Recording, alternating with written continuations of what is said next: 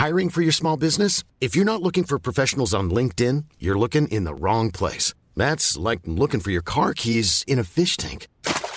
LinkedIn helps you hire professionals you can't find anywhere else, even those who aren't actively searching for a new job but might be open to the perfect role. In a given month, over 70% of LinkedIn users don't even visit other leading job sites. So start looking in the right place. With LinkedIn, you can hire professionals like a professional. Post your free job on linkedin.com slash people today. Hey, it's Ryan Reynolds, and I'm here with Keith, co-star of my upcoming film, If, only in theaters May 17th. Do you want to tell people the big news? All right, I'll do it. Sign up now and you'll get unlimited for $15 a month in six months of Paramount Plus Essential Plan on us. Mintmobile.com slash switch. Upfront payment of $45 equivalent to $15 per month. Unlimited over 40 gigabytes per month. Face lower speeds. Videos at 480p. Active Mint customers by 531.24 get six months of Paramount Plus Essential Plan. Auto renews after six months. Offer ends May 31st, 2024. Separate Paramount Plus registration required. Terms and conditions apply if rated PG.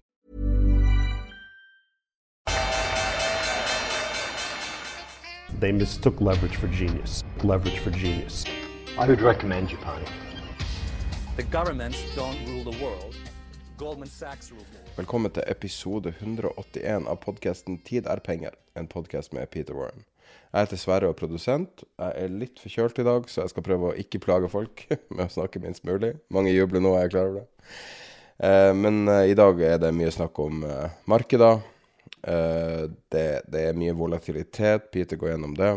Uh, vi fått et spørsmål fra en lytter som er såpass omfattende at, at det kommer ikke til å være med i den uh, faste spør spørsmål- og svarspalten vi nå, fra nå av legger ut på Patrion, så den er et eget tema, som er da Hvorfor har så mange tatt feil så lenge? Ellers skal vi snakke litt løst og fast om det som skjer i finansmarkedene, med et fokus på obligasjonsmarkedet. Men jeg tror vi bare går i gang med episode 181. Ja, litt tidligere i gang enn det som er vanlig. Av praktiske hensyn så valgte vi å ta opp på søndagskvelden. Eh, Så bitte litt nasal med litt influensa. Og eh, Peter har ligget og duppa i Oslofjorden i dag, så litt sånn annen stil enn det vi er vant til.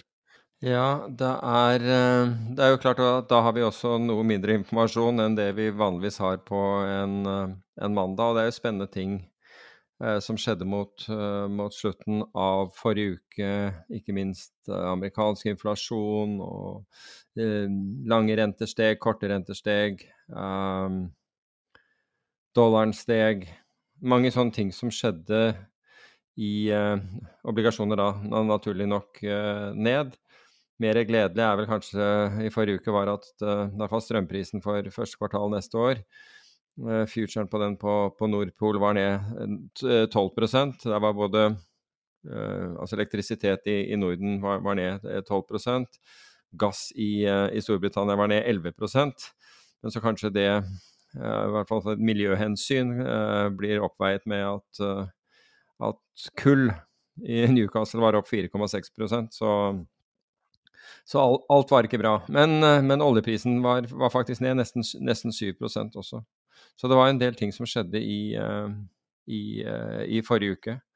Hvis jeg skal eh, hvis jeg skal feste meg altså, Vi hadde jo en vanvittig dag i, i det amerikanske aksjemarkedet da, da inflasjonstallene kom.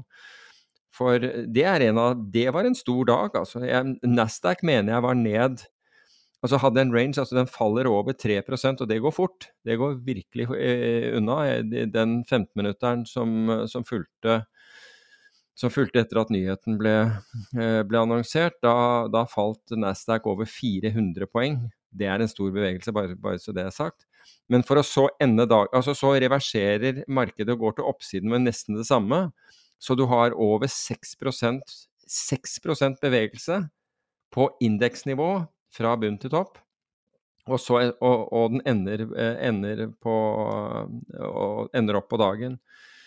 Og det var eh, Jeg tror det var Lloyd Blankfine, tidligere sjef i, i Goldman Sachs, som, eh, som tweetet det at hadde du dette er et tilfelle at hadde du visst hva som skulle skje på, eller visst hva det tallet hadde vært på, skulle bli på forhånd, så vil du ha tatt penger. For de aller fleste vil ha solgt markedet på base av det, og så ender da markedet med, den, med en sånn face-ripping rally. Kan du forklare litt dynamikken med det der eh, Eh, jeg var og, og, og, og flappte meg i gams om det på torsdagen eller onsdagen, eller hva det var. Mm. Eh, og, var skeptisk til rallyet da. Og, og, det begynner å føles litt som en sånn repetisjon i en, sånn, i en nedtur der eh, gode nyheter blir dårlige nyheter, dårlig nytt blir godt nytt. Men akkurat i dette tilfellet, så fra et eh, på en måte Altså fra en sånn magefølelseperspektiv, da på hvordan måte kan dårlige nyheter være gode nyheter nå, når det er ingen indikasjoner om at sentralbanker skal steppe inn? Eller er det det? Ja, altså, jeg, jeg tror at men Vi kan ta den diskusjonen litt, litt etterpå. Men jeg, jeg, tror at sentralbanker har begynt å snakke sammen ba, rett og slett pga. alvorsgraden som kan utspille seg uh, fra, fra, ting vi ser i markedet nå. Den ene er jo da Eh, dette, dette, vi ser med, med britiske pensjonskasser.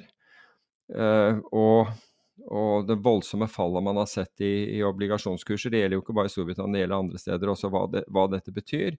Det andre er dollarstyrken.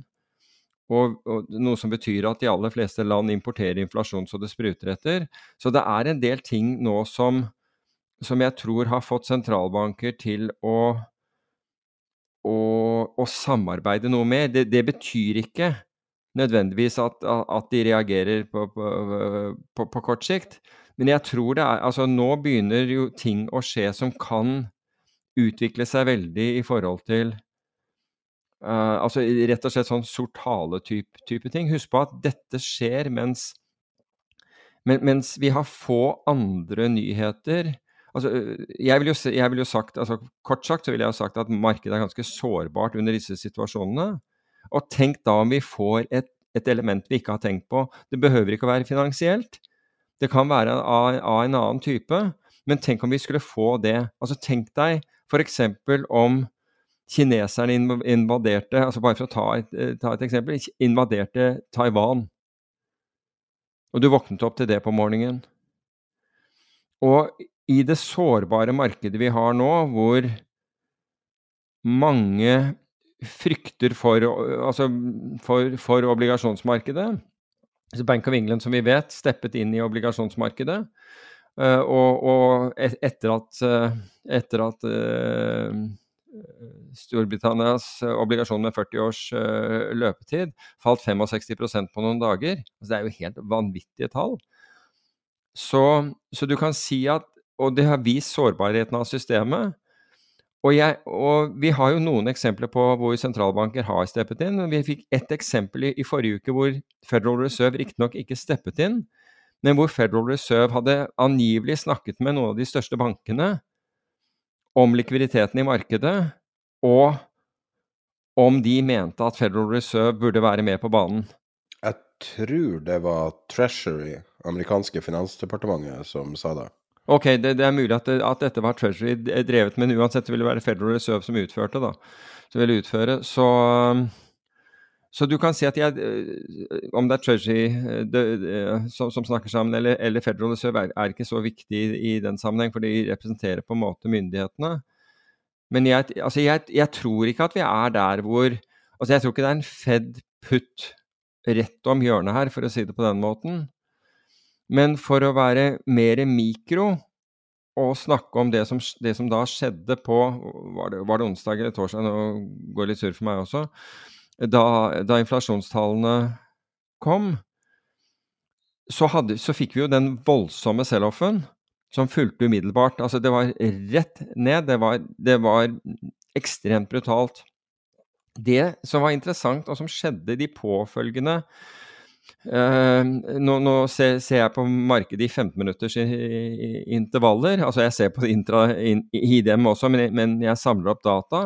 Det var at det var ekstremt mye kjøping av call-opsjoner, altså kjøpsopsjoner.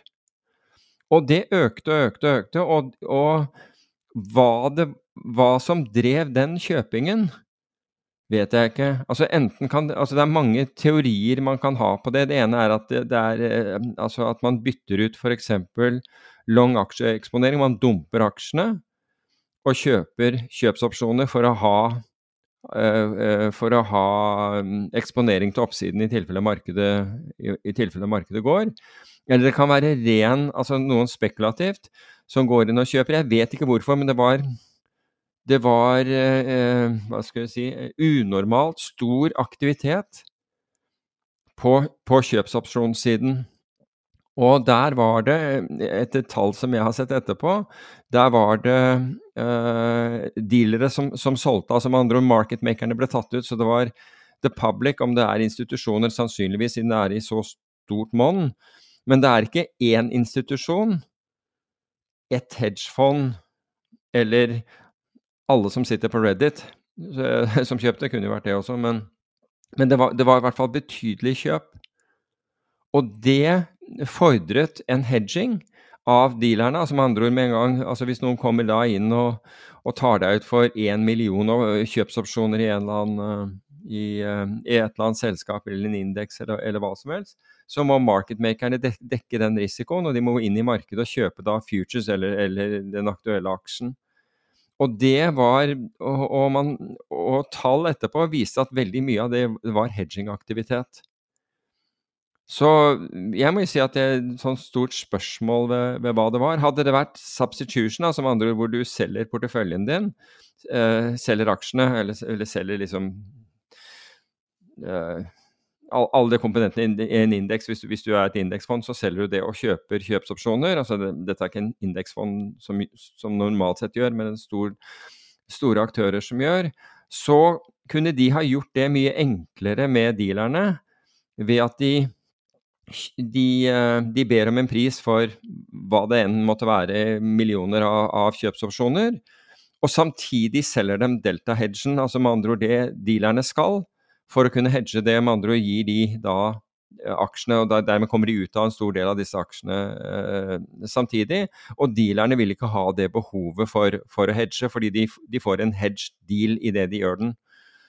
Men hvis det hadde vært en hedge deal, så, hadde, så, så, ville ikke dette dratt til oppsiden på den måten. Da hadde, du, da hadde, du, ikke hatt det behovet. Du hadde hatt et, et lite behov hvis det var kortsiktige opsjoner på gamma-hedging, nemlig at at markedet da rekulerer plutselig voldsomt uh, fort oppover, og, du, og, dealerne som er da som er, var delta-nøytrale delta da de gjorde handelen, måtte kjøpe flere aksjer eller flere indeks-futures eller, eller, hva det måtte være for å, for å, være hedget hele veien. Men det ville, ikke på, det ville ikke påvirket markedet så mye som vi så.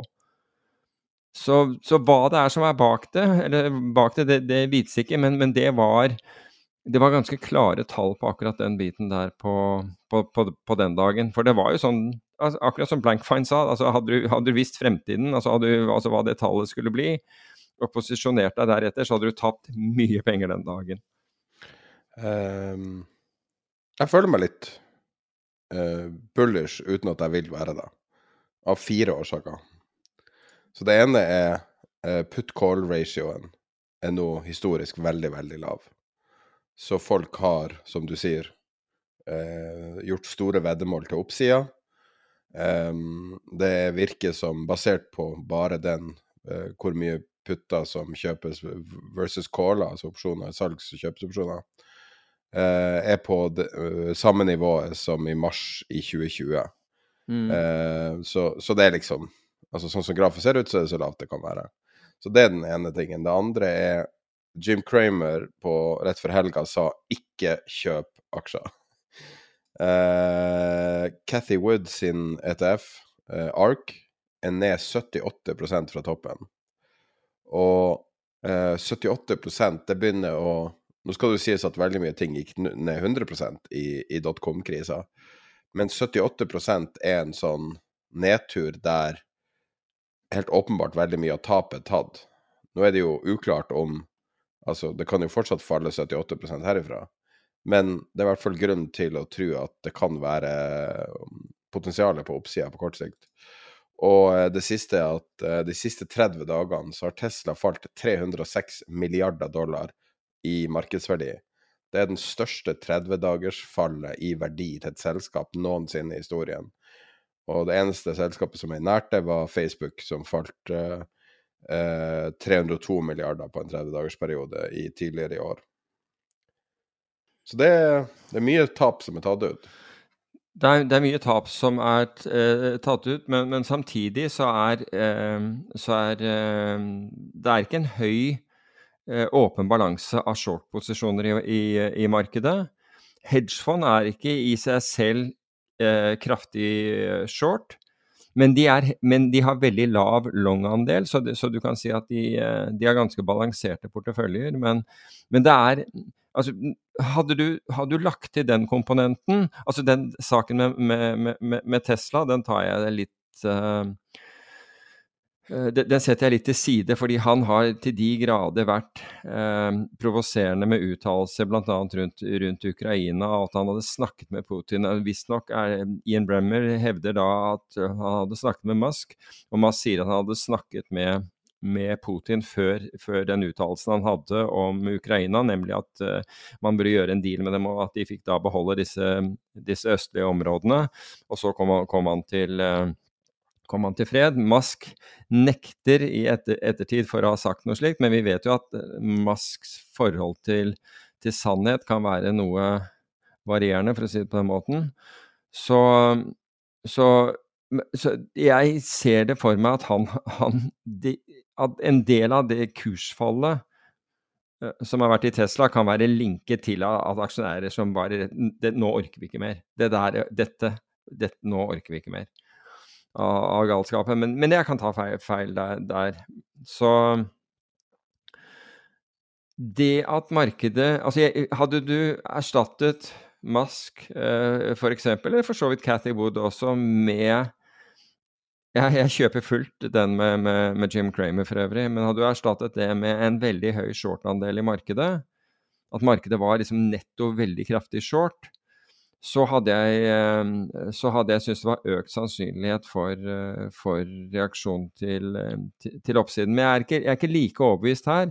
Men det vi vet, er at i, i bear-markeder så får du det, det vi kaller face ripping rallies. Altså, vi hadde jo 6-7 i, i uken før, da vi, da, eller forrige gang vi, vi, omtalte, vi, omtalte, det.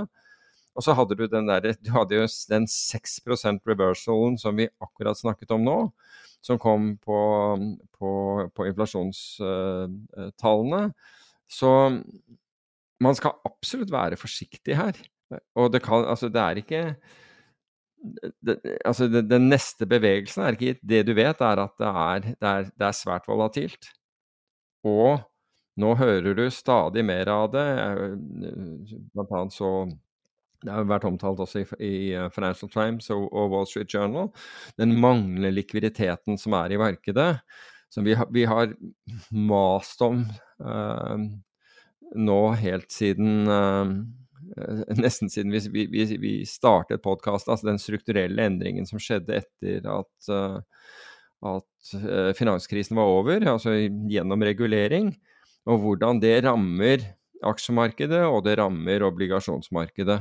Og det, sikkert, og det kan også ramme valutamarkedet. Det rammer kort sagt alle, alle de finansielle markedene. Men hvis jeg skulle knytte én ting til, altså jeg, jeg tror jeg nevnte dette med med, med olje ned, eh, ned 7 og sølv var ned og gull var ned osv. Alt på en måte er ned. Så all, alle de stedene hvor du kunne tenke deg at folk ville eh, søke beskyttelse, var egentlig også, var også ned. Uran var vel unntaket. Det var, eh, det var, ganske, var vel opp en 5 eller noe sånt, eller, eller mer i, i, i, forrige uke, den ETF-en med, med uran. Men hvis jeg, Forrige gang så snakket vi eh, om, om, olje og disse faktorene som kunne påvirke olje fremover, nem, nemlig at de europeiske sanksjonene fra, kom nå i kraft 5. 5. Eh, eller ville komme i kraft 5.12. Med andre ord at da, får, da, da får, blir det ikke noe eksport til Europa fra, fra Russland på, på, olje. Med andre ord det kan raskt mangle olje. Og jeg nevnte det i forhold til at jeg kunne, egentlig ikke kunne forklare da at forward-kurven, altså olje for fremtidig levering, altså det lenger ut i tid, altså levering i mars, eller januar, mars, altså hele, gjennom hele neste år og året etter osv., er i backwardation, med andre ord at den er billigere, lavere priset, enn olje for umiddelbar levering. Og du vil jo tro at f.eks. dette med Europa som da kommer 5.12., det, det, skulle det, det, skulle innvirke kraftig på øh, allerede på, på, på januar. Øh, altså olje for levering i, i, i, januar. Så hvorfor er denne kurven negativ? Og jeg tenker at denne kurven er negativ. Det kan også forklares på samme måten som du kan forklare yield-kurven. Altså det vi vet, er at altså, amerikanske toåringen den nærmer seg å være en halv prosent høyere nå enn enn en tiåringen. Altså den amerikanske eh, toårs statsobligasjonen er røftlig 4,5, mens renten på den amerikanske tiåringen er, er røftlig 4. Så, og der har vi altså en inversjon i kurven. Og hvis du ser den korte kurven også, rentekurven, så, så, har, du, du inversjon, altså med andre ord at den faller fremover. Og hvis du skal finne Altså en felles forklaring på både olje forward-kurven og, og, og, og, rentekurven er jo, er jo resesjon, altså fallende vekstutsikter, hvor man sier at man frykter at veksten vil avta såpass mye at det eh, at, at, eh, rentene må ned, og etterspørselen etter olje og for så vidt andre råvarer vil bli lavere. Det kan du forklare det med. Så, så, hvis man skal ha en forklaring på det jeg, jeg, sier ikke at det er en riktig forklaring, men det er en mulig forklaring. Og jeg tror, jeg tror det er litt Jeg tror i hvert fall en del av forklaringen er, er det jeg sier der, er, at man har begynt å miste troen på, på grunn av Altså man ser nå hvor mye inflasjonen og rentene virker inn. Og så skriver man Det, det eneste stedet du faktisk ikke har sett det, det er Eller du, du, har, du har, sett i, i, mindre grad, det er inntjeningsforventningene på, på, på, på, selskapene. Og det forbauser meg. Det er en ting som etter min oppfatning Her trenger man en realitetsorientering enten på inntjeningsestimatene, eller så er, eller så er de andre tallene feil, si, eller så er de andre forventningene feil. For hvis du tror at, vekst, at, vi skal få kraftig fallende vekst, eller, eller, i det hele tatt fall i vekst, altså rett og slett eh, resesjon, så er det vanskelig å forsvare inntjeningsestimatene. Hvis du sier at, at uh, denne resesjonen, eller at frykten for resesjon er overdrevet, da er de andre kurvene feil. Inflasjonen er nå i hvert fall høy. Og Inflasjonen er høy. Siste ja. uke kom det i hvert fall tre inflasjonstall. Jeg husker ikke om det var flere. Norge 6,9, Sverige 9,7, USA 8,2. Spesielt høy kjerneinflasjon i Sverige, som var veldig urovekkende. Mm. Um, og, og, det her uh, forplanter seg jo. Så jeg så forrige uke at uh, trygd, altså amerikansk trygd, kommer til å bli justert opp med 8,5 til neste år. Eller kanskje 8,2, jeg husker ikke. Uh, så det betyr jo at dem som sitter og tenker på at inflasjonen Nå skal det bort, og nå skal rally, bull, bull, tilbake, alt det der. De tenker ikke på at det forplanter seg jo. Og inflasjon avler inflasjon. Mm. Nettopp fordi at uh, hvis du gir penger til de fattige, så kan du ikke ikke inflasjonsjustere det. Og når du inflasjonsjusterer det, så vil det få betydelig effekt down the line. Og spesielt kanskje med fattige. At det har en liksom større effekt. Fordi at hvis du, det, det, har vi jo sett med kvantitative lettelser. Kvantitative lettelser har jo på en måte gått til de rikeste. Jeg vet ikke om, du, mm. om, du, så det i forrige uke. JP Morgan har 1, 1200 milliarder dollar i cash akkurat nå. Jo, så hvis du lurer det, på hvor kvantitative lettelser endte opp, så er det der. og det har, altså, det har, vi påstått hele tiden, og, og, og bl.a. Øh, vist gjennom velstandsgapet og sagt at det er en av de virkelige driverne bak velstandsgapet. Ja. Men fattige om... folk sitter ikke med penger på banken. De sier Nei. de har tom konto hver måned eller i minus, ja. og, og, de bruker alle pengene. Så hvis de får uh, mer nominelle penger, så vil det gå til rett tilbake i økonomien. Per liksom man skulle tro det, i hvert fall. Mm. Uh, sånn at um, det her inflasjonen uh, jeg klarer ikke å se for meg hvordan det her kan snu på kort tid. Jeg, jeg tenker på noe annet. Har du sett det, det der TV-programmet til Harald Eia, der han forklarer en rekke Jeg vet ikke helt hva som er temaet. Jeg tror det er 'Sånn er liv i Norge', eller et eller annet i den døren. Jeg husker ikke akkurat hva det heter, men hvis du har sett det, så vet du hva jeg snakker om. Men han har et godt poeng der, om økonomisk vekst. Og der, liksom, hvorfor, ha, hvorfor, er det viktig med økonomisk vekst? Hva er poenget? Fordi at det er jo de samme folkene som kjøper varer, de samme folkene. Og om det koster 2, 2 mer, hvorfor er det viktig? Og det ser vi jo på en måte effekten av nå. Fordi at vi har ikke lenger vekst. Har du sett hvor mye konflikter det er i samfunnet akkurat i øyeblikket? Alle budsjettposter blir diskutert. Alle bedrifter går ut i streik fordi at de ser at uh, lønna eroderer bort med inflasjonen. Og, og, det er veldig mye krangling, det er veldig mye konflikter. Og det er jo rett og slett fordi at kaka har blitt mindre, og det forklarer han veldig bra i den serien. Så hvis du søker på Harald Eia og inflasjon, så finner du det sikkert. Uh, at kaka blir mindre, så, så, blir kakestykket til hver enkelt mindre, og alle opplever seg forbigått. Men det, kaka er bare blitt mindre, rett og slett. Men jeg, jeg vil jo hevde, og jeg og har jo også gjort dette her, at da at, de, at, dette er delvis fordi også politikerne har kicked the can down the road. Og, og nå tenker jeg på den norske finansministeren da han tviholdt på dette 4% hvor jeg tror ikke det var en Han hevdet at, at dette var forankret i de, de hos de dyktigste økonomene i, eh, som, eh, som, han hadde tilgang til. Jeg, altså jeg, for mitt liv, altså, til, som jeg har sagt før, da er de hvis, hvis, de skulle være landets dyktigste økonomer, da sliter dette landet. Da sliter landet virkelig. Fordi de jeg snakket med, de mente alle som en at, at det var, var, lavt. Men hva kom etter? Altså, man forankret det 4 %-tallet, og så begynner man å, å forhandle lønn eh, etter det. Du, hva hadde skjedd? Altså, du kan si, og, og, hva gjør du da? You, you kicking the can down the road, fordi inflasjonen blir høyere, og da blir alle misfornøyde, og så begynner, altså, og, og så begynner ballet.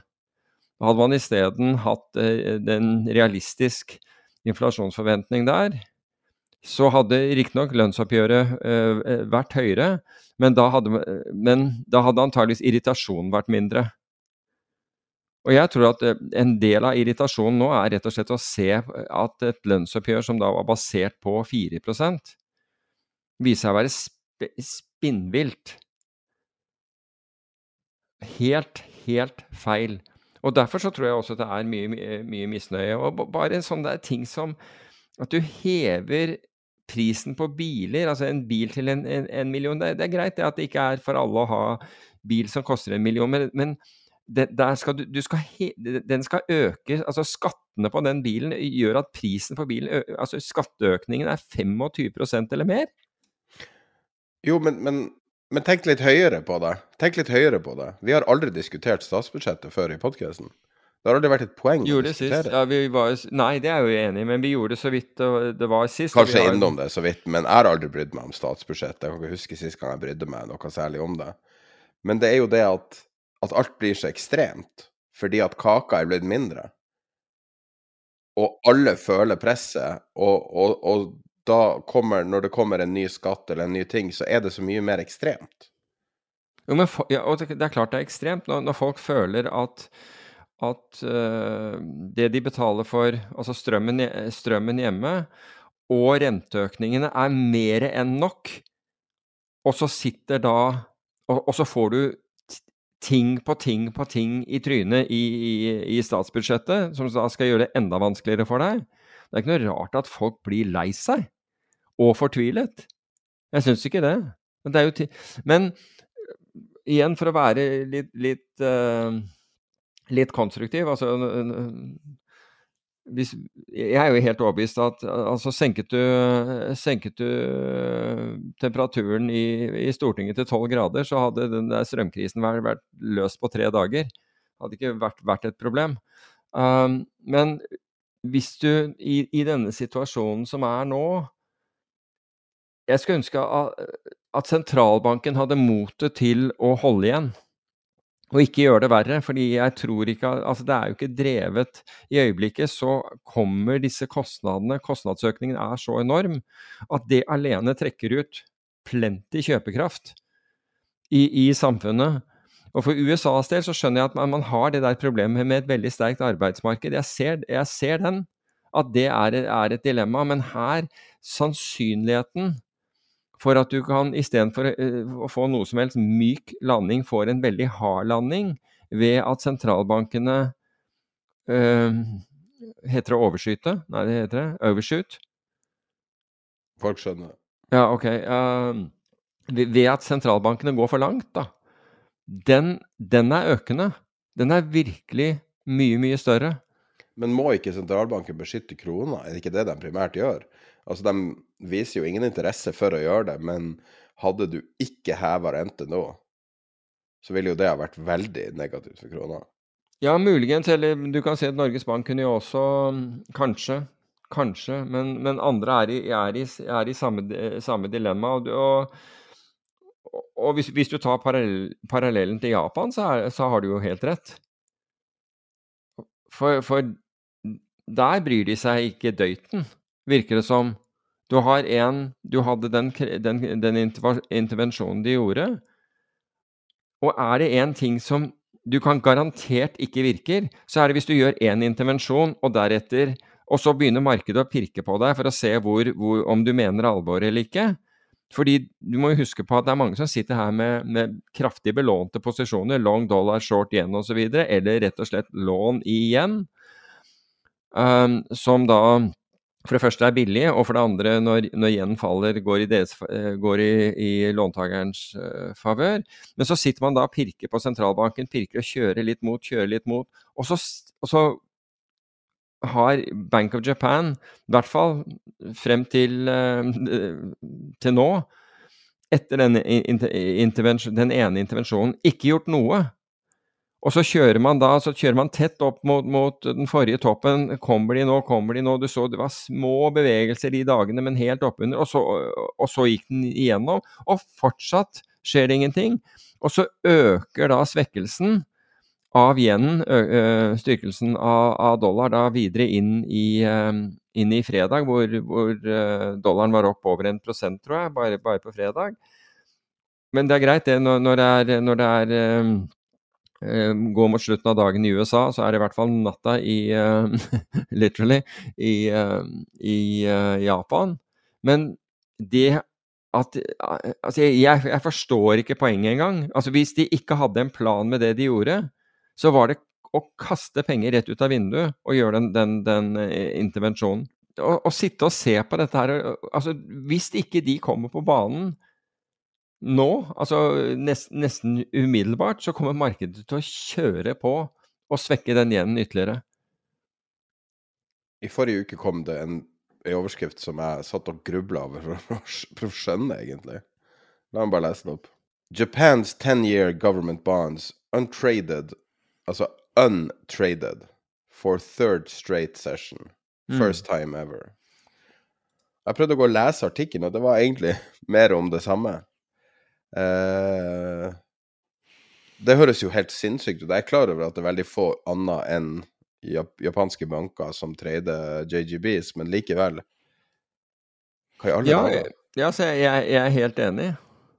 Jeg er helt enig. Altså, det, det, er, en, det er, et uh, G7-land statsobligasjon som ikke handler, men det, det, er fordi Bank of Japan hele tiden har ligget der og sørget for å, å, å kjøpe disse. Men du kan si samtidig så, så må det jo være de minst attraktive eh, statsobligasjonene å, å, eie. Det er kun Bank of Japan. Altså tenk deg, du, altså tenk deg hvilken rente du får på alle andre lands statsobligasjoner for tiden. Så, som, så hvis du skulle gjøre noe, så, så, så vil du shorte den.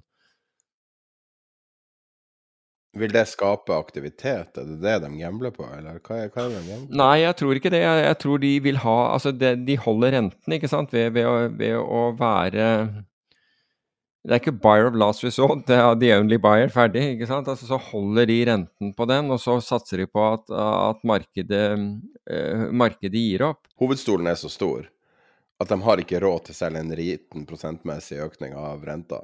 Er det det som, som er grunnlaget? Så jeg må bare altså, jeg, koste hva det, koster vil? Altså, jeg tror at Japan er vettskremt over alle tiltakene og forsøkene de har gjort siden 90-tallet for å på, på forsøke å få opp inflasjon.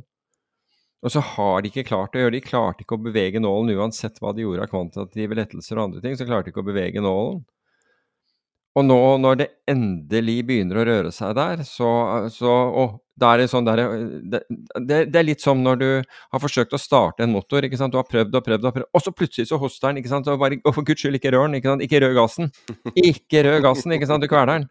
Så um, og Det, det, vitner litt om det, men jeg, jeg må si at jeg altså Hvis de ikke kommer på banen nå, da på en måte melder, melder jeg meg ut i, liksom, i, i å forstå hva, hva, de, hva, hva, de, tenker på, um, og konsekvensene av det. Men, men jeg, jeg, forstår virkelig ikke den ene intervensjonen. Altså, det hadde vært nok med den ene dersom den virket, og markedet begynte å, å, å gjøre nettopp det de ønsket, nemlig å stabilisere seg. Eller at yenen begynte for, forsiktig å, å, å stige, eller, eller, hva som helst. Men når markedet får lov å teste mot, og prober deg, og, og, flere går på, og du begynner å få rekordantall eh, spekulative short yen-posisjoner, og de fortsatt ikke reagerer, da må du lure på altså da, da, da, er det Den eneste forklaringen jeg har, den er, er, er at eh, Oi, nå, nå, nå, begynner det å, skje noe her, så ikke rød gasspedalen. Jeg vet ikke. Jeg forstår, den, den, forstår jeg ikke. Du kan også gjerne argumentere med hvor ofte er det liksom, sentralbanken klarer å gjøre noe hvor det virker. Og, og, det er faktisk oftere enn man tror. altså Bl.a. Norges Bank da under, under covid så det er mulig å, å, gjøre noe, men markedet må ha tillit til at du mener det du sier. Og den eh, Bank of Japan brukte mye penger den dagen på De har jo bra med dollarreserver, så det er ikke som de går tom for dem. Bare, og de har mye, de har mye dollarobligasjoner også. Så... Det er litt sånn urovekkende med sentralbanker om dagen. Det er én ting som jeg har bitt meg merke i, som kanskje er trivielt, men som ser, ser dramatisk ut. Og det er selve balance-sheeten til store sentralbanker som har gjort store kjøp og, og vært i markedet og handla. Og de har stort sett fram til i år vært positive. De har tjent penger på de tradene. Hvis du ser på Bank of England nå, så er de eh, langt ned i rødt på, på sine i anførselstegn trades. Um, og Samme gjelder amerikanske sentralbanken, og jeg gjetter at det gjelder mange sentralbanker. Jeg vet ikke hva det betyr, egentlig. Jeg klarer ikke å få grep på det. Jeg får ikke hodet mitt rundt hva det betyr når en sentralbank taper penger. Nei, det, Men det altså, må bety noe. Altså, Hadde det vært Sveits sentralbanken, så er det litt annerledes, fordi den er privateid. Um, jeg tror den er børsstudert også, er den ikke? Uh, det husker Jo, jeg lurer på om du har rett. Jeg tror den er det. Jo. jo da, det er den. Akkurat. 4300 sveitserfranc. okay. Koster det. Jeg har ikke sett kursutviklingen på den, riktignok, men Skal vi se, vent litt. Der skal vi se. Nei, du har tjent penger hvis du gikk inn før 2016. Ja, okay. Etter det så har det vært helt crazy. Så, så, du kan si at jeg tror at sentralbanker på kort sikt, altså fordi dette er policy, at de er eh, OK med å, med å, å tape litt, det, det, tror jeg ikke de bryr seg fryktelig mye om sånn i det, i det korte bildet. Og poenget med å redde det, det britiske pensjonssystemet, det, altså det det tror jeg var veldig viktig for dem. Men hva, hva er signifikansen av å tape penger for en sentralbank? Nei, jeg tror, noe, er, jeg tror, ikke det er noe særlig signifikans i det. Det regnes som, som eh, altså enten penge- eller finanspolitikk som, som mm. utføres. Mm. Skal vi snakke mer om WC og PE, eller er det en Jeg har bare tenkt, jeg har sett på eh, Tiger Global f.eks., den er 52% så langt i år. Men Tiger Global er jo masse ventureprosjekter som er sannsynligvis ikke priser. Jo, det må de være, fordi, eh, fordi, jeg mener at Tiger Global har enten kvartalsvis eller er det, det, er kvartalsvis, er det ikke det? Uh, Men hvis det ikke har vært en hvis det ikke har, oh, ja, OK. Så dem har hatt redemption, så, akkurat. Ja, og da er de nødt til å verdsette. Alt. Ja, det er du jo nødt til, for ellers så overfører du jo penger fra, fra, de, fra de som sitter igjen, til de som går ut. Så de må gå inn og finne pris. Hva hvis det ikke har vært en transaksjon i en av de? Ja, de må. Altså, det, det, du kan si at du har, jo, um, du har jo administrator og custodian som da vil uh, Som da vil gå gjennom det. Og altså Vi hadde jo akkurat det samme på Eller da vi hadde uh, ikke-børsnoterte posisjoner, altså f.eks. i Credit Default Swaps, og vi hadde interbank valutaopsjoner, ettårs valutaopsjoner på, på, kines, på, på kinesisk valuta f.eks., som du ikke da kan finne i noen avis eller, eller noe slikt noe. Da måtte vi dokumentere hvor, uh, hvor prising, prisingskildene våre Og du, du, kunne ikke ha én, for å si det på den måten, du måtte ha flere prisingskilder. Og du måtte da fremlegge hvilke de var. Når det gjaldt kinesiske, eller disse andre, så var det jo alltid store investeringsbanker, og flere av dem. Og marketmaker-deskene deres som, som stilte. Og, og, jeg ble også Vi hadde jo et, et, et tilsyn fra Den irske sentralbank på nettopp prisingen av OTC-opsjoner. Uh, hvordan vi, vi, gjorde det. Og da husker jeg at uh, de styremedlemmene vi hadde fra Irland, de var kjempenervøse, fordi de sa at disse folkene er ufattelig strenge. Uh, og de møtte i sentralbanken mens jeg var på linje fra, fra, Oslo. Og jeg husker da at de fra sentralbanken de visste hva, hva, hva dette gikk i. De forsto deltaer, for dette, dette, var out of the money-opsjoner på da bl.a. kinesisk, kinesisk valuta. Og vi hadde en, eh, altså en, en virkelig god uh, uh, debatt om dette, hvor, hvor, spørsmålene deres var ekstremt relevante. Um, og hvor, eh, hvor, jeg da fremla altså hvordan det, dette var priset, og, og hvordan og, og, hvor de kunne finne dokumentasjon, fordi vi hadde sendt over dokumentasjon på forhånd. Og eh, og da jeg ringte av den der, så, så, så gikk det en, en, halv time. Og da ringte de to, to irske styremedlemmene meg, meg, fra puben i nærheten. De var liksom henrykt, for dette hadde gått uh, så, så, kjempebra. Men det samme vil være her også, at, uh, at Tiger Global er jo da må da kan, Altså er det én ting som du ikke kan gjøre, så er det å overføre Altså rett og slett overføre verdier fra fra de som blir sittende igjen i fondet ditt, til de som går ut. Det skal være en fair pris for, uh, for alle. Så, så, Tiger Global er på akkurat samme måte må dokumentere at dette er, at dette er riktig pris, ellers så må de nedskrive. Så jeg antar at de har nedskrevet verdier for, at, uh, for, uh, for å ta hensyn til dette. Vi skal snart gå over til et tema som kommer av et spørsmål vi har fått inn. Men jeg tenkte jeg skulle spørre om én ting først. Har du fulgt med deg det som skjer med halvledere i Kina? Ja. Um, men ja, så det, ene er, det, ene er, det som har skjedd nå, nå i det siste, men, men, forut for det så har det jo vært uh, Så har det jo allerede dukket opp i forbindelse med urolighetene rundt Taiwan. Så har, det, har jo USA vært veldig um, Hva skal man si påpasselige i forhold til den rollen som Taiwan hadde for, i, i, med å levere halvledere til, til, USA og for så vidt resten av verden. Eh, skal jeg fortelle litt hva som skjedde før helga? Jeg tror ja. ikke det ble skrevet i noen aviser. Dette er et sånt tema som eh, Halvledere er jo i alt, i praksis. Mm. Uh, og, og, det er noe som skrives lite om og snakkes lite om, med mindre du har investert i det, kanskje. Jeg har, har ingen ut, uh, informasjon utover det som står her, men jeg skal bare lese opp litt som er plukka opp fra en tilsynelatende markedsekspert. før helga så Altså, USA har ført en krig mot Kina med, for å gå direkte på chipindustrien med en rekke grep.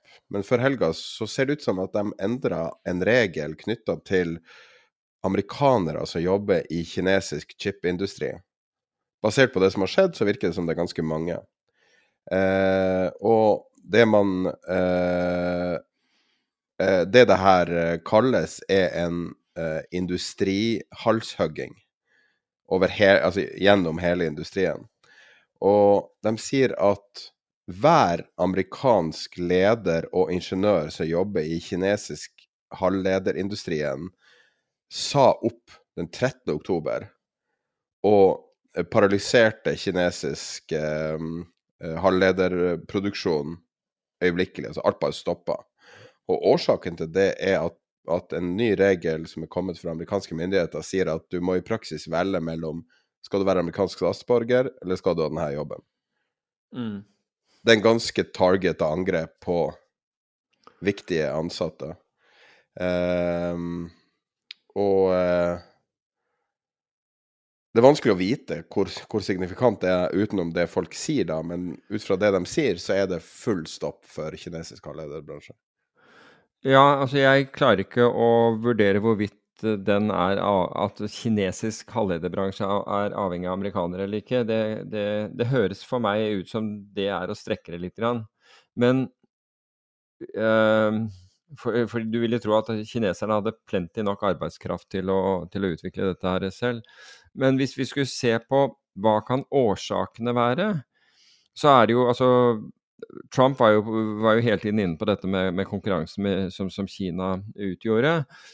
Og det kan godt hende at det er forankret i det, men jeg tror at det er vel så mye, og kanskje mer, i disse, spesielt i disse tider, forankret i, sik i sikkerhetspolitisk avgjørelse, nem nemlig at vi kan ikke, vi kan ikke være avhengig av av, av, et annet land, i en annen blokk om man vil, uh, sin velvilje mot, mot, å sende oss halvledere.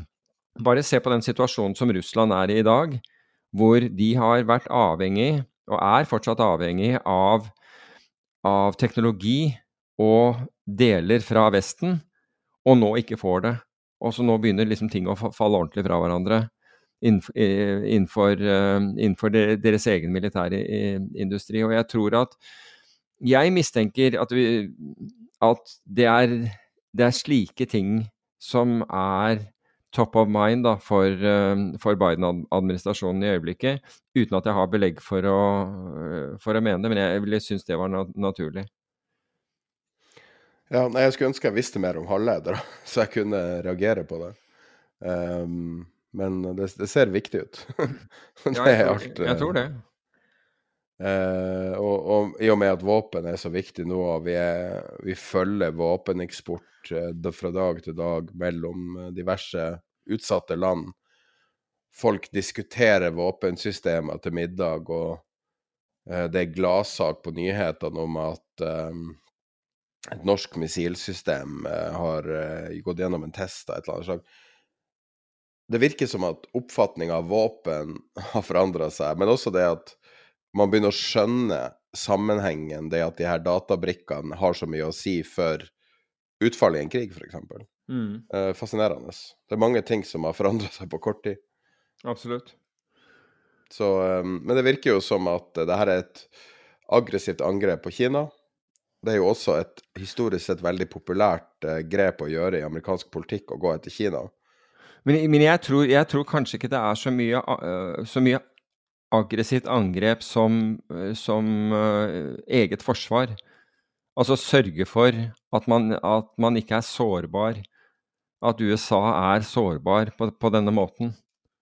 Det blir sammenligna med at det, her, det som skjedde her, er like pinlig som når Pelosi landa i Taiwan. Oi, ok. Skal vi gå til det spørsmålet vi fikk inn, da? Vi, vi får jo inn veldig mye spørsmål til podkasten som spørsmål til Peter. Og vi har valgt å skille det ut uh, som en egen episode vi legger ut på Patrion uh, eh, en eller annen gang i løpet av uka. Uh, nå har vi vel en syv-åtte spørsmål til det til neste, til neste, episode. Men så fikk vi et spørsmål som var såpass uh, vidt. Det er et spørsmål som kommer igjen, så vi tar det som ja, vi har faktisk to. Der, ja. Ja. så jeg kan bare lese hva han skriver det, eh, hvordan kan det ha seg at så mange strateger, analytikere og eksperter kan ta feil så lenge? Pluss, ja. hva er en swap? Ja. så du kommer til å vegge ut. Ja, altså hvis vi ser på dette Hvordan kan så mange strateger, eh, analytikere og eksperter eh, ha tatt feil så lenge? Det, det går igjen, syns jeg, eh, for, for, tiden. Og det er mange Det er jo mange som har eh, meninger om det, men hvis man ser på egentlig hvordan, hvordan vi er, da, hvis, hvis vi går, går, dette litt sånn grundigere i, i, i, sømmene, så kan du si at når du, når du blir født, så vet du du vet jo naturlig nok ingenting, og det første du antageligvis uh, erfarer, det er at, er, at, uh, er en omsorgsperson som, som, som, da Og da opplever du gjennom det godhet. Og så etter hvert som vi vokser opp, så får vi med stadig mer erfaring. Og det betyr at vi begynner egentlig med, med en, så godt som en tom harddisk. Men så gjennom det vi opplever og det vi lærer, så får vi mer og mer informasjon. Og den informasjonen blir grunnlaget for hvordan vi ser, vi ser på verdensbildet. Slik at det blir vårt verdensbilde. Og, det, og etter hvert som vi får mer informasjon, så legges det inn, og just, så justerer vi på en måte vårt verdensbilde. Men i utgangspunktet så vet vi ikke det vi ikke vet. Det kan virke selvsagt, men vi, vi, må, vi må, egentlig huske at, at, det er slik. Eh, mener du noe unknown unknowns? Eller ja, altså, ja, det er jo det samme som unknowns unknowns, men, men, vi vet ikke det vi ikke vet. Så vi bygger egentlig opp, opp kunnskap. Og det betyr jo også at dine erfaringer, altså dine, dine, personlige erfaringer Du har liksom det, det, det globale erfaringer, det du kan lese om i avisen osv., men så har du dine egne erfaringer som kun du som, som, som, kun gjelder deg. Og det gjør oss hver, hvert eneste menneske egentlig unikt, da. For vi, vi vil alle ha litt forskjellige er, erfaringer. Og bare, bare, for å ta et uh, et eksempel altså La oss si at du som ungdom så Jeg går ut fra du Ungdomssiden din var vel i Tromsø, det spiller ingen rolle, men, men i hvert fall du går nedover en gate og Storgata. Ja, gjerne det. Plutselig ut fra en dør så, så, et, så, så stormer en fyr ut. Altså, du har, du har, gått forbi der hver eneste dag, og du tenker ikke på det. Du tenker liksom, du går denne hver, hver eneste dag. Men en dag så kommer en kar løpende ut fra, fra en dør der klabber til deg hardt i ansiktet og løper videre. Fra da av så vil du aldri Det vil aldri være det samme. Det vil aldri være det samme når du går forbi der, fordi du vil se mot den der døren, og du husker den frykten, husker den, det, det, det, du akkurat opplevde. For nå har du liksom Du har, du har fått Jøss, det kan komme noen susende ut av den der døren. Og det kunne absolutt bare være et engangstilfelle, men du har i hvert fall fått den, den læringen. Så når, altså hva som skjer ved oss, mange tilfeldigheter, in, inkludert når vi blir født, bestemmer jo for hvordan vi, vi, vi vil opptre. Og så har du dette med Så har du på en annen side dette med emosjoner, og jeg nevnte en der. Det å bli klabbet til i ansiktet, det, det fremtvinger en emosjon som gjør at du husker den hendelsen mye sterkere enn, om, en, en, sannsynligvis enn noen av de andre gangene du, du går, går, ned. Så hvis vi klarer å knytte et minne med en emosjon, og det være seg frykt eller, eller uh, redsel ja, Frykt og redsel er vel det samme, men for så vidt glede Alle disse hav av emosjoner vi, vi, kan ha, så vil vi huske dem mer. Så hvis du tenker deg at Altså, hvorfor bommer, hvorfor bommer så mange uh, av, av, disse ekspertene? Så er det delvis på grunn av erfaring, og delvis av følelser. For den ene er, hvis vi tar erfaringen altså her, her kan vi, Jeg kan illustrere det gjennom Ta for eksempel finanskrisen. Og så har du, du har en som Og så har du tre mennesker. Den ene er student finanskrisen, under finanskrisen. Ikke økonomi, bare virksomhetsstudent. Den andre er en megler. Så han jobber i finans, men han er, han er, han er megler. Og den tredje er en investor. Alle tre opplever finanskrisen, men det er rimelig mer sannsynlig La, la, oss si at la oss si, det var ikke en megler, men en analytiker, eh, den, den, den nummer to. Det er rimelig sannsynlig at investoren har det sterkeste minnet om den finanskrisen, fordi de, han eller hun følte det direkte på kroppen. Det vil også ha med lærdommen å gjøre. Så denne personen vil ha en mye sterkere læring av, av den opplevelsen enn studenten som da har hørt om finanskrisen, men merket egentlig ikke noe på det. Så øh, gå kanskje inn i, inn i, inn i um, inn i finans senere, men hadde ingen emosjoner annet enn at jeg hørte finanskrisen, det var mye som skjedde, men så noen overskrifter, men følte ingenting på det. Analytikeren analytikeren opplevde det, men opplevde ikke tap på samme måten som, som investoren. Så her er det tre forskjellige. Ut ifra det så vil disse tre i, i, i, etter hvert som verden går videre, så vil disse ha en helt, helt forskjellig oppfatning om, om, det som skjedde under finanskrisen, og reagere helt, helt, helt ulikt. Analytikeren kom gjennom det. Det var, det var, ikke noe deal. Det ble kjempe, altså big deal. Det ble kjempebra markeder etterpå. Så det er kanskje det, det som husker. Den, studenten er nå, er nå i, i, i, markedene og har egentlig lite, liten uh, lite minne fra, fra akkurat det, det, med finanskrisen. Syns alt er nytt og spennende og blir bare vant til at markedene går oppover.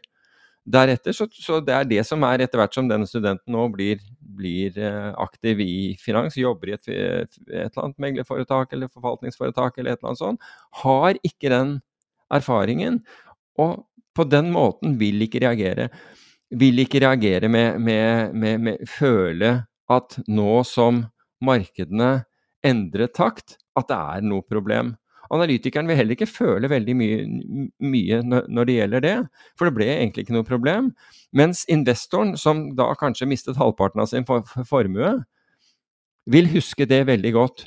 Og det, var, det slo meg forleden, for det var en, en lytter som fortalte meg jeg, jeg, nå husker jeg ikke akkurat hvilket selskap det var, men jeg, jeg husker hvilket meglerforetak det er. jeg har ikke tenkt å nevne det, men Han sier at denne analytikeren dette meglerselskapet har nå skrevet analyser på, og, på, på, på dette selskapet, eh, selskap X, bare for å bruke et uttrykk. Og til å begynne med, så dette her skulle gå opp. Det var 300% oppside. Så blir eh, stadig kursmålet det som skjer, er jo at, at kursen på selskapet begynner å falle istedenfor å stige. Og det som skjer er at det, fra 300% så ble det liksom nedjustert til 200 så ble det nedjustert til 100% og så har det blitt videre justert ned. Hele tiden med en kjøpsanbefaling, til tross for at dette har, har falt. Og han sa nå Det verste er nå at nå er, nå er kursen ti kroner. Kursmålet er åtte. Og han har, han har fortsatt kjøp. Så du er her på ti kroner. Du har en kjøpsanbefaling på ti kroner med et kursmål på åtte. Da skjønner du at du ikke er Og da kommer vi inn på det, på det neste, som har med misjoner å gjøre. Da er du ikke veldig motivert for at dette her skal stemme. Det, det, du, det, du, legger ut. Altså, ingen bryr seg engang. Altså, tenk deg at det passerer gjennom liksom et meglerhus, en ledergruppe eller, eller hva som helst, at noen ser på dette her og ikke reagerer, er jo helt fantastisk. Så på den ene siden så har du de erfaringene du gjør, som på en måte gjør deg til den personen uh, du er. Og den andre er da dette med, med motivasjonen din. Altså hva blir du og, og, altså, hva blir du motivert av?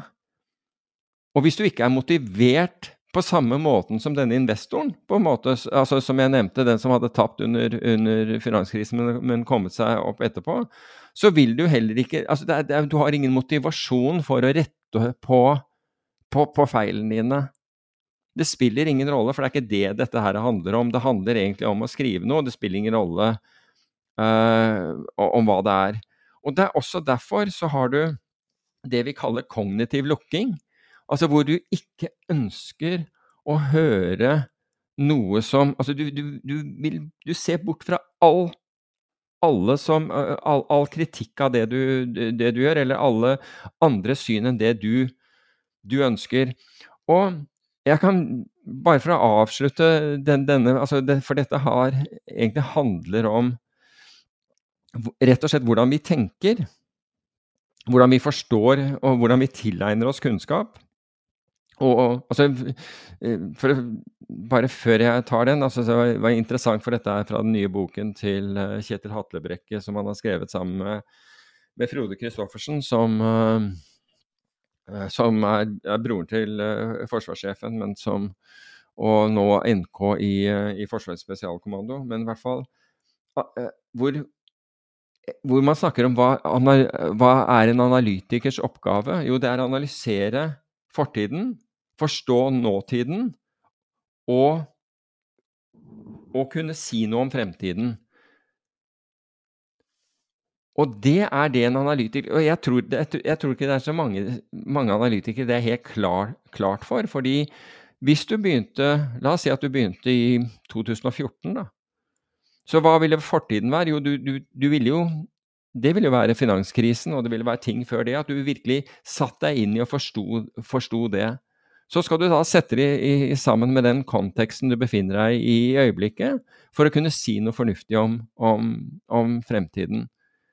Men jeg tror ikke det gjøres på den måten jeg, jeg, i det hele tatt, fordi det dreier seg om helt andre Altså man har en helt annen motivasjon for, for, eh, for det man gjør.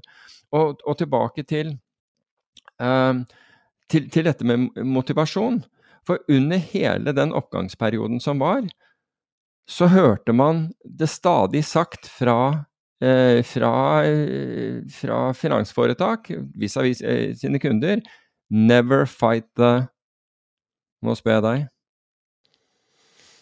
Don't fight the Jeg prøver å finne opp noe artig, men jeg, Nei, jeg er ikke forberedt. Nei, men altså, hva, hva, har du hørt hele tiden? Don't fight the Fed. Helt riktig. Don't fight the Fed. Med andre ord, når sentralbanken kjører én vei, så må du for guds skyld ikke fighte det. ikke sant? Og det, helt, det funket helt bra. Hva gjorde den amerikanske sentralbanken da i 2021? Jo, den sa at den skulle slutte å stimulere markedene etter 2021. Tvert imot så skulle den trekke inn likviditet for 2022. Hørte hun, har du hørt etter noen si 'don't fight the Fed'? For det er det faktisk alle gjør med å sitte hele veien ned. Så du har gått fra den setningen som har alltid virket da, da, Og jeg vet ikke hvor mange ganger jeg har hørt det der. Alle har lært det der at you, you never fight the Fed. Men i det øyeblikket The Fed gjorde fortalte jeg hva de skulle gjøre, men det passet ikke inn i ditt verdensbilde. For det, det passet ikke inn med at aksjer skulle stige i all evighet, og, og verdsettelse spilte ingen rolle, og penger var gratis fordi renten var, var lik null. Alt, alle disse tingene forandret seg, og ble annonsert at de skulle forandre seg i god tid. Det til tross så hørte jeg ingen si du, her må vi komme oss ut, her må vi være short. Never fight the Fed. Blir ikke nevnt engang. Så la det i denne podkasten, da. Blir nevnt i denne podkasten. Så, så, la det være, eh, være et, et, godt eksempel på hvordan vi bare bryr oss ikke om For det, det er kognitiv lukking. Da vil jeg ikke høre om det Fed lenger. Det er, det er kognitiv lukking. Å, Nei, nå, nå, betyr det at det, det, nei, det, det, passer ikke, det passer i rett og slett ikke verdensbildet mitt. Beklager. Kom tilbake en annen dag. Det passer absolutt ikke det med, med, med mine planer nå de, neste fem årene. Så, så, du kan si at hvis du Og tilbake til det timing-eksempelet ditt, og så vet jeg at du, du snakket om, om dette her for, for, en korreksjon til oppsiden, og ikke nødvendigvis at trenden forandrer seg. Men hvis du skulle følge den Never Fight the Fed som folk har levd av siden 2009, så skulle du vente til the Fed pivots, med andre ord går fra QT til noe annet, altså til noe stimulerende. Om det er QE eller hva det er for noe, det vet jeg ikke, men før du gjør noe. Men det du hører, er, er hele tiden Du skal være fullinvestert og så skal du selvfølgelig kjøpe på bånd i tillegg. Hvordan skal du klare det når du er fullinvestert? Det lurer jeg på. Altså Enten sitter du gjennom hele greia fordi du har en langsiktig syn, helt greit, men da forsøker du ikke å not fight eller være med the Fed og ha de, de grunnene. Du gjør det fordi du tror på, på langsiktig oppgang i aksjemarkedet, og korreksjoner underveis bryr du deg døyten om. Fordi verden vil stort sett vokse. Og det er jeg enig i, økonomi trenger å vokse, så det er, det er, ikke, noe, det er ikke, noe, feil presumpsjon eh, nødvendigvis i det. Men for de som da skal forutsi fremtiden, og har som jobb å anbefale og rådgi, hvor var de hen? Hva tenkte de på? Det er liksom det er, det er De fikk beskjed hva Fed skulle gjøre, og allikevel så satt de det. De har brukt de samme argumentene i alle år, men plutselig nå, nå passet ikke verdensbildet eh, deres, og derfor så, så fikk, ikke, fikk, ikke, du investoren den, den informasjonen. Det, det kan egentlig være, være, det siste ordet om det. Altså, poenget mitt er at dette har med, det har med erfaring å gjøre, altså hvor lenge vi har levd og hva vi har opplevd. Del av personlige ting, som jeg nevnte, det der om du har følt det på kroppen eller ikke, følt smerten.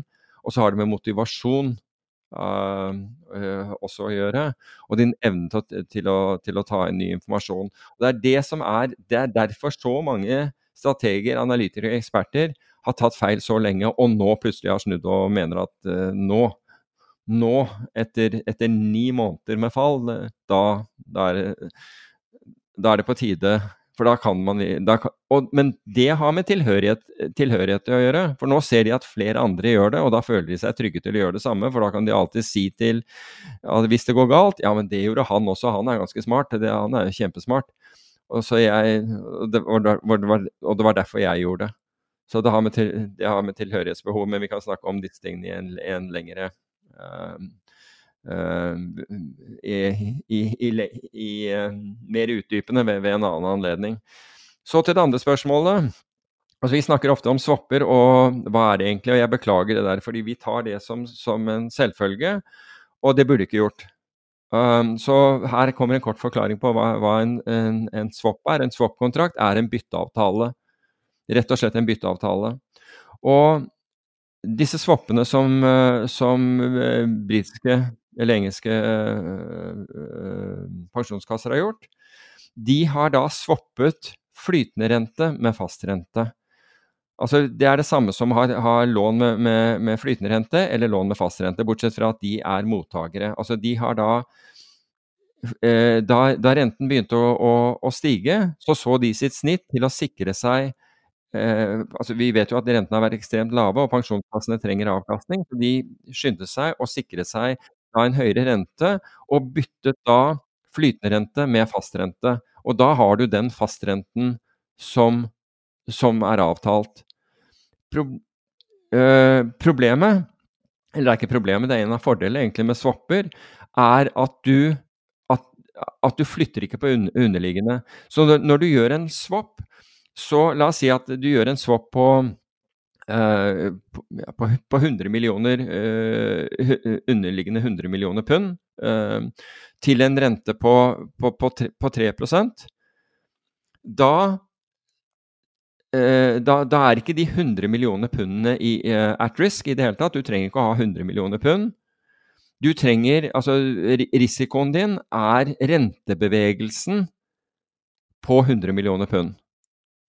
Så, så hvis, hvis uh, du har solgt dette til 3% fordi du har da gått du har solgt uh, du, du, mottar 3 uh, eh, rente, og markedet går til 4 så er det den ene prosenten som er, er, er, er lossen din, egentlig, fordi markedet er nå 4, i hvert fall papirtapet ditt. Så ved swapper du har noe som heter total return swap, som man hører veldig ofte om at norske investorer bruker. Istedenfor å, for å kjøpe aksjer, så kjøper de en TRS, total return swap. Da er det noen som da Det den investoren gjør, er, er at den bytter fra seg uh, renteavkastning, altså med andre ord den, den renten uh, som man kan få, mot å få aksjeavkastning. Det er en total, total return swap på et gitt antall aksjer. Så det er ikke sånn at du kjøper disse aksjene. Det er bare det er differansen mellom når du inngår denne avtalen, og til avtalen eh, slutter, som ganget med antall aksjer, som er din profit eller loss. Du trenger ikke å, å, å kjøpe og selge aksjer eh, nødvendigvis. Så swapper er rett og slett bytteavtaler. Cred default swap er da at du, du bytter da Altså hvis jeg kjøper den, så da får jeg forsikring på en obligasjon som en annen, en annen selger meg. Altså vi bytter da, vi bytter da siden. En annen har den. Bytter, gi meg da den beskyttelsen, og jeg betaler eh, da vedkommende penger for dette. Så det er det. En swap er en bytteavtale, og alle disse swappene, være seg total return swap, credit default swap, variant swap, volatility swap, eh, og den swappen som jeg akkurat uh, nevnte, er rett og slett bytteavtaler som da på Som da ikke hvor, hvor, det underliggende ikke trenger å skifte eier. Var det noenlunde greit fortalt? Ja. Uh, jeg tror vi kanskje skipper over den hedgefondsaken, for tida begynner å gå litt fra oss. ja, den, den, den er, det var bare en, en, en, veldig kort sak. og det, Jeg hadde en, eh, en conference call med, med Cameron, som, er, eh, som leder Hedge Nordic. Hvor det mest interessante, eller i hvert fall nye for meg, det var to ting. Det ene var at det var 30 færre nordiske hedgefond. Og jeg spurte hva, hva hadde gått så gærent. Nei, i de aller fleste tilfeller var det ikke det, men kostnadene var blitt så høye at hvis du hadde mindre fond, så hadde du ikke råd til å så hadde de ikke råd. Så noen, i, i, mange tilfeller så var de, var de, kjøpt opp av, eller de fusjonert inn i andre fond. Og da, Den andre interessante opplysningen det var at noen av de storbankene har da, har da milliardhedgefond som kun tilbys, og, og som visstnok skal være bra, som, som, kun tilbys til de, de øvre sjikta av private banking-kunder. Det var jeg heller ikke klar over. Så, så, så det var det jeg hadde om, om hedgefond. Men da tror jeg vi runder av denne episoden, og så kommer vi tilbake senere i uka på Patron med spørsmål og svar. Eh, vi har også en del intervjuer planlagt. Akkurat når de kommer, det kan vi ikke si. Vi, har, eh, vi sikter ganske høyt med intervjuene, så tidvis så, så det, er det litt forsinkelser her og der. Eh, men da er vi tilbake neste mandag. Forhåpentligvis med litt mindre nasal eh, og litt mindre hostende eh. Produsent? Vi, ja. Jeg, jeg, klarer ikke å fullføre setning engang. jeg, jeg er helt tett i hodet. Men da snakkes vi om en uke. Hi, I'm Daniel, founder of Pretty Litter. Cats and cat owners deserve better than any old-fashioned litter. That's why I teamed up with scientists and veterinarians to create Pretty Litter. Its innovative crystal formula has superior odor control and weighs up to 80% less than clay litter. Pretty Litter even monitors health by changing colors to help detect early signs of potential illness. It's the world's smartest kitty litter. Go to prettylitter.com and use code ACAST for 20% off your first order and a free cat toy. Terms and conditions apply. See site for details. Planning for your next trip? Elevate your travel style with Quince. Quince has all the jet setting essentials you'll want for your next getaway, like European linen, premium luggage options, buttery soft Italian leather bags, and so much more. And is all priced at 50 to 80% less than similar brands. Plus, Quince only works with factories that use safe and ethical manufacturing practices. Pack your bags with high-quality essentials you'll be wearing for vacations to come with Quince. Go to quince.com slash pack for free shipping and 365-day returns.